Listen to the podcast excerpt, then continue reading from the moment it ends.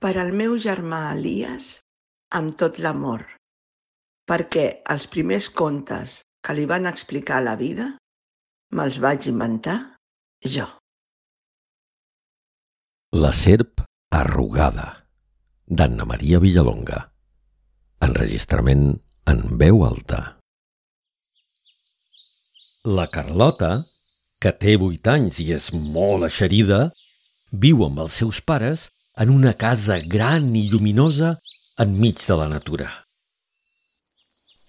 A prop de la casa hi ha molts arbres i plantes i també bonics camins de terra per on la Carlota fa voltes sovint amb la seva bicicleta.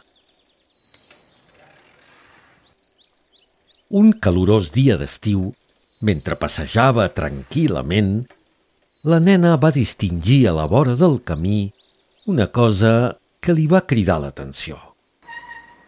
De primer li va semblar un bastó llarg i tort, però després va veure amb sorpresa que aquell bastó s'estava bellugant. Plena de curiositat i una mica espantada, la Carlota va baixar de la bici i s'hi va apropar. De seguida va comprendre que no existia cap bastó i que allò que es bellugava en realitat era una serp de color fosc que semblava molt malalta. Tenia la pell bruta de fang i estava plena d'arrugues, com els pantalons i les camises que la mare treu de la rentadora. La serp va mirar la nena amb ullets de pena i es va arrossegar una mica però tenia els anells tan arrugats que no podia avançar. Què t'ha passat? Li preguntà la Carlota.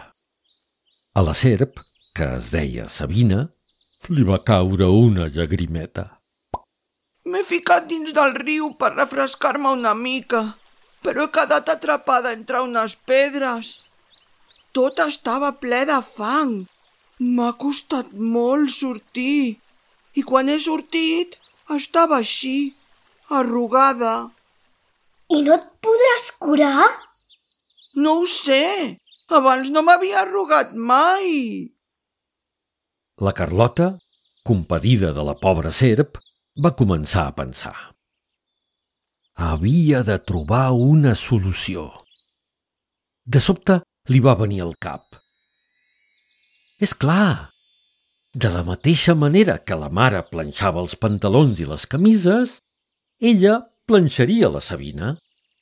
I, dit i fet, va carregar la seva nova amiga a la cistelleta de la bici i es va afanyar a pedalejar cap a casa. Mama, necessito la planxa! Va cridar quan va arribar. És urgent! Li va explicar tot a la mare i ella va decidir ajudar-la. Naturalment, no podien escalfar massa la planxa perquè haurien socarrimat la Sabina. Així que la van programar en una posició tèbia.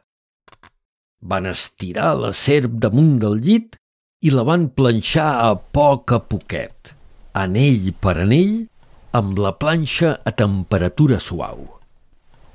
La Sabina sospirava de felicitat ara que anava recuperant la forma habitual. Després va fer la migdiada tota la tarda. I així es va acabar de trobar bé. Des d'aquell dia, la nena i la serp es van fer inseparables. La Carlota li havia salvat la vida – i la Sabina es va quedar a viure al seu jardí. Jugaven i passejaven juntes i s'ho passaven d'allò més bé. Eren felices. I la seva bonica amistat ja va durar per sempre.